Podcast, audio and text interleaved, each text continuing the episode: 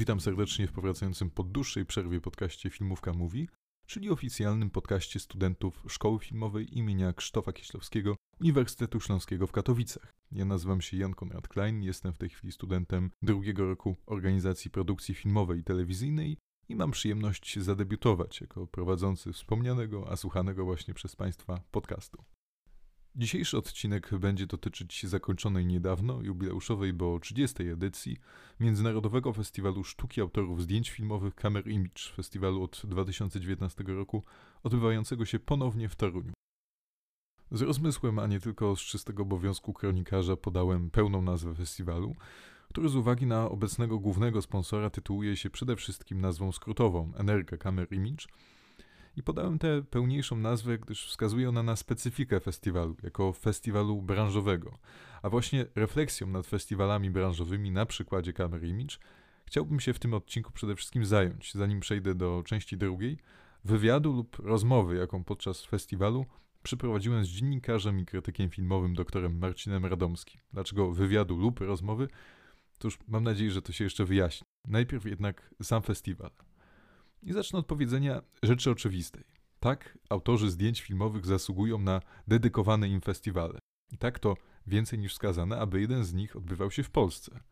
Polscy autorzy zdjęć, czy nawet ogólniej autorzy zdjęć wykształceni w polskich szkołach filmowych, są bowiem od dekad wyjątkowo cenieni na światowym rynku filmowym, zwłaszcza rynku amerykańskim, którego przeszłe i współczesne wady i nadużycia moglibyśmy wymieniać, ale któremu jednocześnie nie możemy odmówić bardzo wysokiego stopnia profesjonalizacji. Jeżeli zatem polscy autorzy zdjęć są na tym rynku cenieni, oznacza to, że nie wykazują się wyłącznie wyjątkowym estetycznym wyczuciem, ale także wyjątkowym profesjonalizmem. Właściwie, aby zauważyć ten światowy poziom wśród polskich autorów zdjęć, nie trzeba wcale skupiać się na tych najbardziej znanych międzynarodowych kolaboracjach, choćby tej między Spielbergiem a Kamińskim, na zagranicznych sukcesach Sławomira Idziaka czy osiągnięciach może nie Polaka, ale już absolwenta szkoły filmowej w Łodzi Hojte van Hojtemy. Nie, wystarczy spojrzeć na rodzimą kinematografię tworzoną dzisiaj, w której zaznacza się standard. I znów można uznać, że standard twórczości nie zawsze jest czymś pozytywnym, ale w tym przypadku chodzi o standard bardzo dobrej jakości sztuki operatorskiej. Sztuki operatorskiej, która nierzadko stanowi najjaśniejszy punkt danego filmu. Dlatego nadal podkreślam, bo wiem, że z kolei to stwierdzenie nie jest już dla wszystkich tak zupełnie oczywiste. Funkcja autora zdjęć powinna być uznawana powszechnie, a już na pewno w Polsce, za najbardziej prestiżową funkcję pełnioną w trakcie realizacji dzieła filmowego. Ale dobrze, jako dowód wdzięczności wobec autorów zdjęć powstał ten przypisany im festiwal. Powstał on w Polsce w roku 1992, co też nie trudno policzyć, i dość szybko zaznaczył swoją pozycję jako festiwal branżowy. Używam stale tego określenia branżowy, ale co przez to rozumiem? Powierzchownie patrząc, Kamer Image to festiwal jak każdy inny. Może nawet o tej nieco już chłodniejszej listopadowej porze sprawia wrażenie festiwalu przyczajonego, przyczajonego w tych kilku ograniczonych lokacjach, prawie zbitych ze sobą w kameralnym Toruniu. Ale tak, i tu wolontariusze nerwowo spoglądają po sobie, ktoś dzwoni, żeby się upewnić, czy na pewno dotrze samochód z panem Lechem Majewskim w środku. Znajoma festiwalowa gonitwa pracowników festiwalu, organizatorów, ich wyczuwalne napięcie – z tym, że nie oni faktycznie decydują o charakterze festiwalu. Z pewnością nie decydują tak bardzo jak festiwalu sami uczestnicy. I w tym przypadku, udając się z apartamentu rodem z lokatora Romana Polańskiego, myślałem, że zginę na tych schodach, do Toruńskiego Centrum Kongresowego czy siedziby Fundacji Tumult, słyszałem bardziej niż widziałem zagranicznych kinomanów, w większości studentów kierunków operatorskich, ale też bardziej doświadczonych, pracujących w zawodzie, bez wyolbrzymiania z niezwykle różnych zakątków świata, którzy pojawili się w Toruniu szczerze zainteresowani nie tyle nawet pokazami filmów, co seminariami, klasami mistrzowskimi, nowinkami technologicznymi prezentowanymi w ramach festiwalu. Ba, nawet spoty reklamowe poprzedzające każdą projekcję, na których konkretne marki szczyciły się najnowszą linią obiektywów, czy też zdalnie obsługiwanym systemem oświetlenia filmowego. W pierwszych dniach festiwalu nawet owe spoty wzbudzały pewne emocje u tej bardzo wyspecjalizowanej, ale i dominującej części widowni. Przy czym widowni, która najwyraźniej nie potrzebowała tak dalece zaplanowanej kampanii reklamowej, aktywności w mediach społecznościowych, która w przypadku tegorocznej edycji Camera Image była raczej umiarkowana. Nie ma też festiwalu idealnego, ale osobiście jestem raczej przyzwyczajony do ściślejszego kontaktu między organizatorami a uczestnikami, do tworzenia niejako około festiwalowej wspólnoty, co moim zdaniem udaje się świetnie innymi Stowarzyszeniu Nowe Horyzonty. I owszem, Kamer Image to festiwal z promocją, powiedzielibyśmy, z wyższej półki, jako że w każdej edycji uczestniczy przynajmniej jeden znany, kojarzony na świecie, a przez to przyciągający samą swoją postacią grono kinomanów twórca, aktor, reżyser czy właśnie autor zdjęć. Pomimo zrozumienia dla takiego rodzaju promocji i docenienia niektórych czysto technicznych rozwiązań festiwalu, m.in. transmisji na żywo poszczególnych seminariów, aby były one dostępne dla każdego, wciąż towarzyszyło mi uczucie niewykorzystanego potencjału tego wydarzenia, nie wyróżniającej się niczym, a przecież jego jubileuszowej edycji. Rzecz jasna, pomysłodawca oraz niezmiennie dyrektor festiwalu Marek Żydowicz wciąż stara się urzeczywistnić koncepcję osobnego centrum filmowego Camera Image. Zaznaczam to, ale samego wątku nie zamierzam rozwijać, bo też kwestie związane z budową instytucji kultury w Polsce są zawsze dość kontrowersyjne. Mm, koniec końców podchodzę do Camera Image jako chyba jedynego polskiego festiwalu filmowego, który w nazwie ma międzynarodowy i wobec którego ten przymiotnik jest jak najbardziej adekwatny. Nie tyle nawet jeśli chodzi o międzynarodowość festiwalowej selekcji, co międzynarodowość zaangażowanej festiwal grupy odbiorców.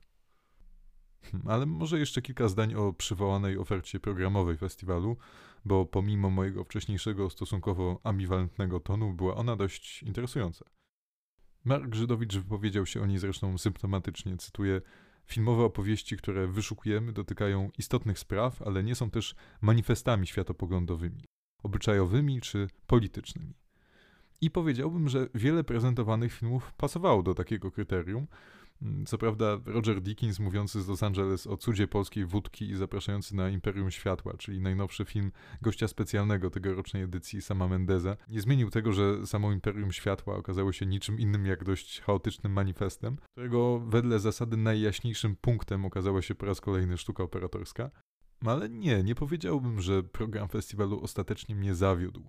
Jego ogromną zaletą była różnorodność, wynikająca z intrygującego zestawienia retrospektyw i pokazów premierowych. Oprócz obejrzenia, nie wiem już który raz, Cieni Zapomnianych Przodków, za które odpowiada prawdziwy Jurodywi kina Sergiej Paradżanów, w szósty dzień festiwalu uczestniczyłem m.in. w pokazie specjalnym bergmanowskich Szeptów i Krzyków, pokazie zorganizowanym z okazji setnej rocznicy urodzin Svena Nyquista który tym filmem wprowadził Ingmara Bergmana w kolor, barwę rozumianą jako odrębny, świadomie wykorzystywany element inscenizacji. I tego samego dnia odbywała się również polska premiera najnowszego obrazu profesora Krzysztofa Zanussiego Liczba Doskonała. I muszę przyznać, że oba seanse, i powtórny szeptów i krzyków, i pierwszej liczby doskonałej odczułem równie intensywnie, choć też z różnych względów. Mm, największego wrażenia nie zrobiły na mnie jednakże prezentowane także na festiwalu najnowsze filmy Aronowskiego, czy Iñárritu, ale nagrodzony Złotą Żabą, z czego się bardzo cieszę, film Tar w reżyserii Toda Fielda z Kate Blanchett, dla której napisany został w ogóle scenariusz w roli głównej. Niezależnie od tego, jak i gdzie będzie ten film dystrybuowany, wszystkim śmiało polecam jego obejrzenie. Jeżeli nie miłośnikom muzyki poważnej, to po prostu miłośnikom aktorskiego kunsztu Kate Blanchett. I tą rekomendacją jako pozytywnym akcentem przechodzę do części drugiej, w której chciałbym skromniej zainicjować format rozmów z mniej oczywistymi osobami współtworzącymi kulturę filmową, tutaj konkretnie z dziennikarzem i krytykiem, doktorem Marcinem Radomskim, który rozmowami z bardzo różnymi autorami kina zajmuje się od lat. Moje pierwsze pytanie, może i banalne, jeżeli zadawane doświadczonemu dziennikarzowi, dotyczyło właśnie jego początków, momentu, w którym odnalazł swoją dziennikarsko-filmową pasję. Równocześnie z góry uprzedzam o antyaudiofilskich warunkach rozmowy, która była przeprowadzona w dzikiej przestrzeni multiplexu. Liczę jednak na to, że nie będzie to aż tak nieznośne. Znaczy w ogóle, jeżeli miałbym mówić, co, kiedy zaczęła się moja przygoda z dziennikarstwem, to ona się zaczęła dosyć wcześnie, bo to jeszcze był czas, kiedy y, było gimnazjum i ja w gimnazjum, czyli mając tam, nie wiem, 15-16 lat, w drugiej klasie e, trafiłem do, na warsztaty dziennikarskie w Domu Kultury w mojej rodzinnej miejscowości i e, te warsztaty trwały przez kilka lat i ja rzeczywiście uczęszczałem na nie aż do drugiej klasy liceum. I wtedy poznałem świat dziennikarstwa i zaczęło się od dziennikarstwa. Zaczęło się od tego, że myślałem, że będę zajmował się dziennikarstwem informacyjnym, newsowym, to mnie interesowało. Później nagle zacząłem, czy nagle, wcale nie tak nagle może, ale gdzieś pomiędzy tym pojawił się film I ten film taki e, szczególnie bardziej artystyczny, chociaż Mhm. komercyjny, też rozrywkowe A produkcje właściwie w jakich okolicznościach? One się pojawiły w telewizji, to znaczy Mhm. zaczęło się od telewizji, od oglądania e, filmów w różnych cyklach, które były wtedy dostępne, a ich nie było tak dużo jak teraz. Tak, tak. No nie było zupełnie jeszcze tak rozwiniętego internetu, to już było trochę czasu temu, nie aż tak dawno, ale, ale jednak świat się zmienił przez ostatnie powiedzmy 15 lat i e, zaczęło się od e, na przykład cyklu Grażyny Torbickiej Kocham Kino i tych filmów artystycznych, które ona pokazywała w telewizji, od jej programu fascynacji jakimś takim właśnie prowadzeniem rozmów z twórcami e, filmów, e, z aktorami przede wszystkim. Zaczęło się od aktorów, ale później też reżyserzy. No i postanowiłem, że po liceum chcę iść na studia i wybrałem studia kulturoznawcze na Uniwersytecie Warszawskim. Gdzieś z tyłu zawsze myśląc, że to dziennikarstwo jest, ale że może warto jednak skupić się na jakimś temacie specjalizacji. Uznałem, że kulturoznawstwo będzie lepsze nawet niż może filmoznawstwo. Też chodziło o to, że w Warszawie nie było takiego stricte filmoznawstwa. No ale później wybrałem ścieżkę mm, e, filmoznawczą na moich studiach i tak to się rozpoczęło już wtedy. I na studiach zacząłem się interesować właśnie festiwalami filmowymi, jeździć tam, poznawać e, twórców filmowych.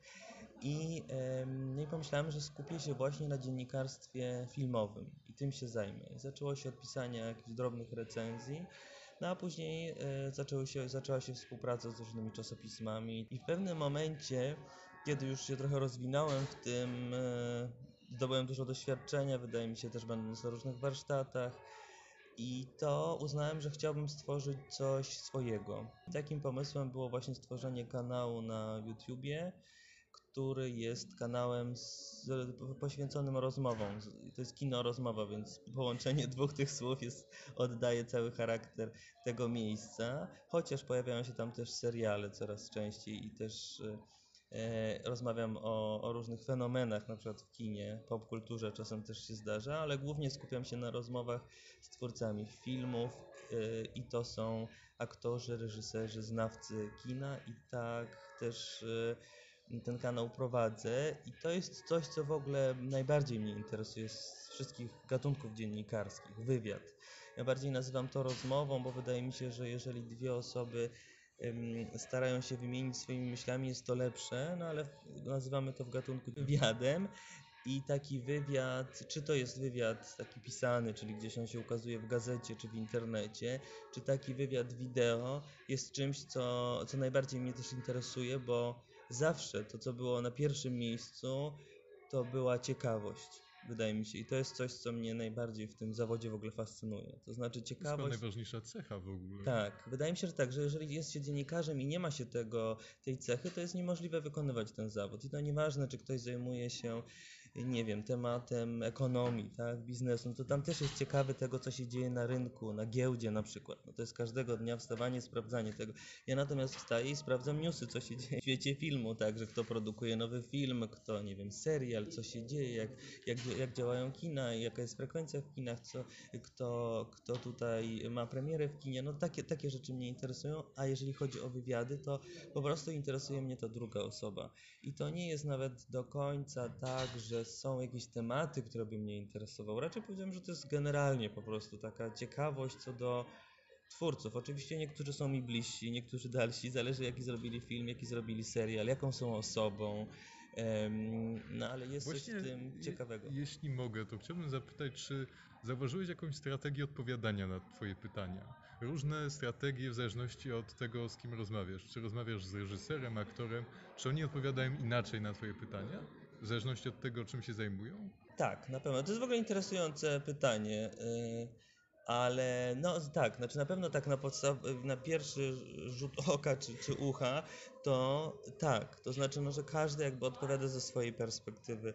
Aktor będzie dużo mówił o swojej pracy, o tym jak on e, przygotowuje się na przykład do roli, co, jak go ta rola zmieniła, czy, czy co musiał zrobić, a, a reżyser mówi o tym całym projekcie, to znaczy przeważnie mówi o tym, jak to zaczynał, od pomysłu poprzez reżyserię, wybór aktorów i, e, i później dopłynięcie z tym projektem do, do portu, czyli do, do premiery filmu. Mm, I czasem jest to trudniejsze zadanie, czasem łatwiejsze, w zależności jaki to jest film. Więc każdy mówi jakoś ze swojej perspektywy, chociaż często jest tak, że oni też opowiadają o współpracy, tak? No bo Mm. film e, jest pracą zespołową, więc no niemożliwym jest też, żeby zrobić go samemu. Kolejne pytanie dotyczyło stricte reżyserów i tego, czy podkreślają oni częściej niż niegdyś w wywiadach zespołowość pracy przy filmie. Może tak, powiem, że aktorzy zaznaczają swoją pozycję. Tak. Aktorzy mają przeważnie dos- dosyć stereotypowe myślenie, może nie powinniśmy tak mówić, no ale tak jest rzeczywiście, że mają jakieś ego większe niż, niż inni twórcy, chociaż czasem zdarza się, że reżyserzy mają, to jest też, też różnie, no ale powiedzmy, że aktorzy skupiają się na sobie, na swojej roli, ewentualnie na partnerze, no jakiejś współpracy z reżyserem, jeżeli ona była w jakiś sposób wyjątkowa. Czasem jest. Mm, Albo dobra, albo zła, też może być różnie jest. Mm. Raczej mówi się o tej dobrej, ale złe też czasem gdzieś tam wychodzą. Natomiast e, reżyserzy raczej mówią o, o współpracy ze wszystkimi, to znaczy z całą ekipą, czyli wymieniają też właśnie aktorów, ale też operatora i inne piony, e, które pracują przy, przy filmach. Więc tutaj to zależy chyba od e, jakichś indywidualnych cech tych osób. Czyli nie trafiłeś na żadnego despotę.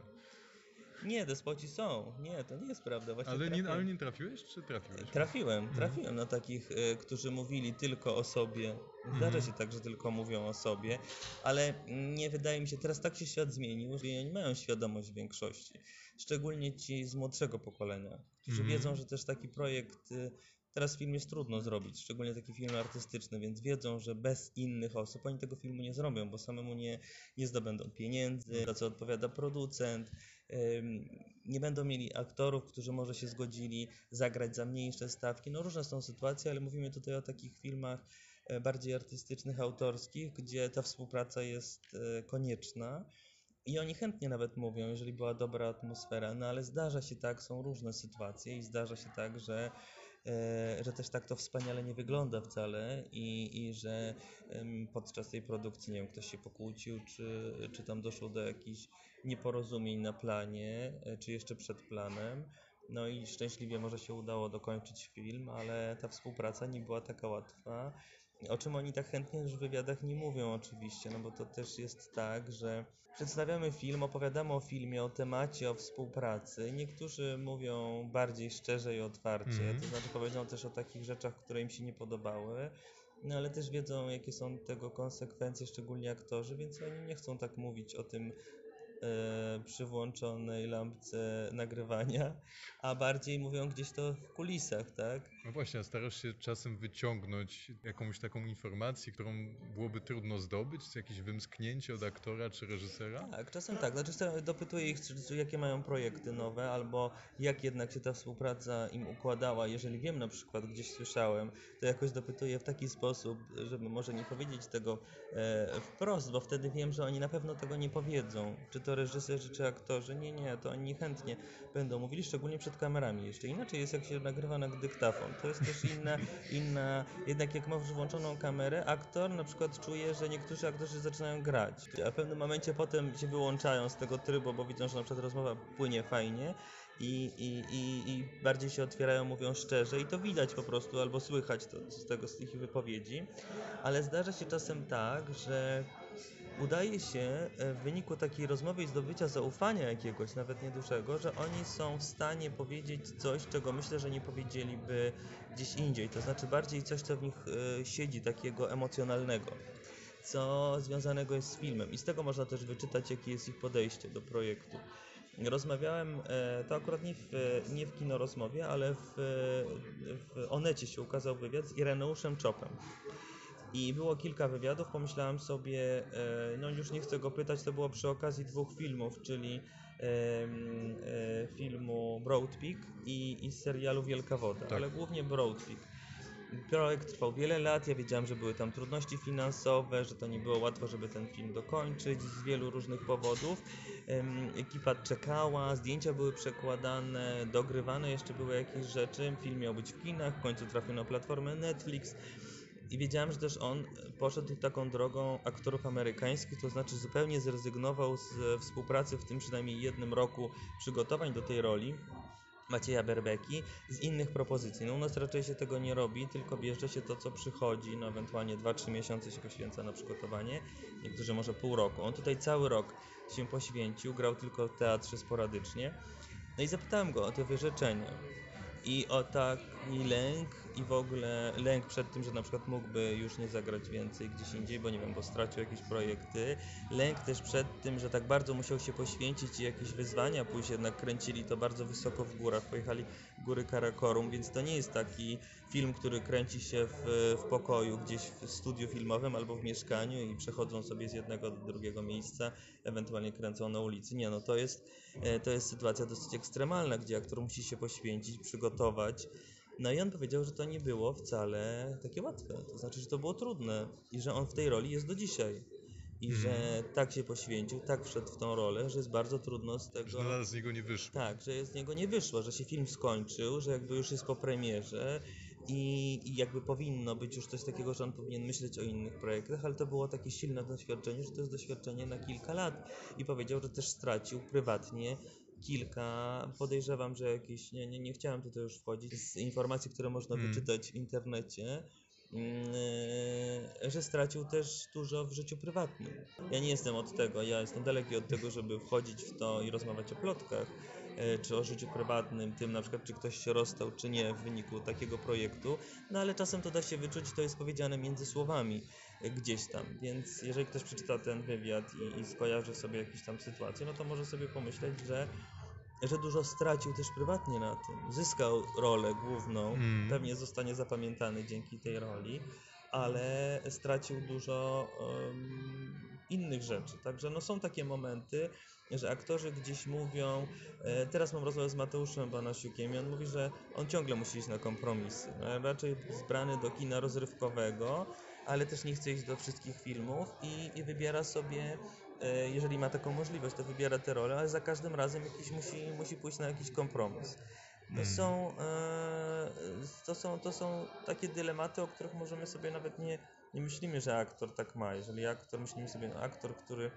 jest chętnie brany do filmów, to powinien, powinno być wszystko idealnie i wspaniale, a te projekty są też różne, okupione, nie wiem, czasem właśnie, też, czy też nie zawsze jest, to są takie projekty, w których oni do końca, to się często zdarza, że oni gdzieś tam pomiędzy słowami mówią, że że na przykład żałują. Usłyszałem ostatnio od aktora, ale akurat to jest, to niestety nie jest nagrane, że żałuje, że zagrał w pewnym filmie. E, bo scenariusz był świetny, a później się okazało, że ten film zupełnie się zmienił, a na planie w ogóle był jakiś chaos. No to w polskim kinie nie zdarza się aż tak rzadko. Tak, ale to była jakaś koprodukcja. No mm. tak, takim też, też, też, też takim niskobudżetowym kinie. Czy, czy ktoś powiedział, pamiętam, któryś, Piotr Głowacki chyba, mm. e, że wycięto go z, kompletnie z filmu i nie ma go w filmie. Mm, I, I co on ma z tym zrobić? Jakby zagrał w filmie, oczywiście zapłacono mu za to, no ale myślał, że nie była to duża rola, więc tę rolę można było wyciąć i został wycięty z filmu. Nie ma go w tym filmie, miał nadzieję, że wystąpi. No to też chodzi też o to, że aktor buduje sobie jakiś wizerunek, prawda? I, i też kolejnymi rolami i tym, tym, gdzie wystąpił i jeżeli go nie ma, a coś poświęcił... A uważasz, że ma więcej do stracenia na przykład niż reżyser? Tak biorąc to wszystko pod uwagę. Mhm. No ja myślę, że jednak ym, może mieć, znaczy no zależy w jakim bierze udział projekcie. Jeżeli na przykład występuje w filmie Patryka Wegi, no to pewnie jest w jakiś sposób przez opinię publiczną, nazwijmy to, yy, naznaczony już tym. I to zależy od niego, czy jemu to pasuje, czy nie. I czy on się na to decyduje czy chce być na przykład kojarzony z rolą w filmie Patryka Wegi, która zawsze gdzieś tam będzie pewnie, pewnie przywoływana, chociaż wielu zagrało, niektórym to pomogło, niektórym nie. Także myślę, że aktorzy mogą mieć więcej do stracenia, bo oni jednak są wybierani do projektów przez innych reżyserów i często są, to też często słyszę, to są takie bardzo to, jeżeli chodzi o te schematy odpowiedzi, zaszufladkowani. Mhm. To znaczy, że są bardzo często e, zaszufladkowani aktorzy. Tak, obsadzani po warunkach. Tak, obsadzani po warunkach. I to, się, to w rozmowach wychodzi non-stop. I to jest pójście takie na łatwiznę bardzo, rzadko się zdarza, żeby. No i tutaj jest kwestia reżyserów bardziej. Teraz są reżyserzy castingu, więc trochę się zmienia i u nas jest ich coraz więcej i oni szukają, też myślą bardziej mm, otwartą głową, poszukują jakichś właśnie nieoczywistych skojarzeń z aktorami, aktorkami. Natomiast reżyserzy cały, cały czas myślą dosyć schematycznie. Więc myślę, że aktorzy mają więcej do stracenia, reżyserzy no, zdarzy, no nie, jeden film im prze, przepadnie, ale zrobią następny film przeważnie. No chyba, że to jest jakaś totalna klapa i po prostu nikt nie da im pieniędzy, ale najczęściej robią kolejne filmy i, i one jakoś tym są zapominane im te, te gorsze. Mm. W zależności, no chyba, że kolejny film jest też taki sam. Tak. I tak zastanawia, czy z perspektywy czasu zauważyłeś jakąś taką tendencję w tych swoich pierwszych wystąpieniach, pierwszych rozmowach, coś, jak, jak, jakiś manieryzm, jakąś metodę, której już byś nie używał, z której już byś nie korzystał, bo zauważyłeś, że mm, lepiej pewne odpowiedzi wydobywać, czy, czy zachęcać do rozmowy osoby w inny sposób. Na pewno, na pewno, ponieważ ja dosyć krytycznie podchodzę do swojej osoby, mówiąc szczerze, to znaczy w taki sposób, że jakoś to analizuję. Myślę, że teraz trochę mniej, zdobywając doświadczenie i też słysząc od innych, że to, co robię, ma, ma sens, chociaż też każdego dnia się zastanawiam, ile. Kto się nie zastanawia. Tak, kto się nie zastanawia. Ale jest y, coś, y, jest, jest coś w tym rzeczywiście, że y, zmieniłem też sposób może, może podejścia taki do, e, ponieważ na początku miałem w ten sposób, że miałem zapisane wszystko na kartce dokładnie. Ja w ogóle tak się przygotowuję, bardzo lubię robić research dokładny i jeżeli prowadzę spotkania w kinie, na przykład po filmie, takie na żywo, to wolę gdzieś mieć y, zapisane na kartce albo jakieś zagadnienia, albo pytania. Tak mnie kiedyś nauczono i tak to, e, tak to robię. Natomiast często też spontanicznie zadaję pytania, kontynuując jakieś wątki, przeskakując, dodając coś, na... ale mam przygotowany jakiś szkic tej rozmowy. I tak samo było w przypadku nagrań, w przypadku tych moich wywiadów, że też miałem takie szkice, dobry research, czasem zapisane jakieś zdania, cytaty, fragmenty z innych wywiadów, albo jakieś moje skojarzenie, moje jakieś krótkie dwuzdaniowe, na przykład recenzje filmu albo roli, które chciałem potem przeczytać. Natomiast ostatnio robię tak, że mm, nie, nie daję, znaczy nie, nie przygotowuję się w ten, znaczy przygotowuję się w ten sposób, ale zostawiam to gdzieś z boku i to już od jakiegoś dłuższego czasu, ponieważ uważam, że jeżeli to ma być kino rozmowa, to rozmowa, to znaczy, że ja mam jakieś wątki, pomysły, ale ta rozmowa też płynie gdzieś tam i możemy sobie po prostu pogadać. No i to też różnie wychodzi.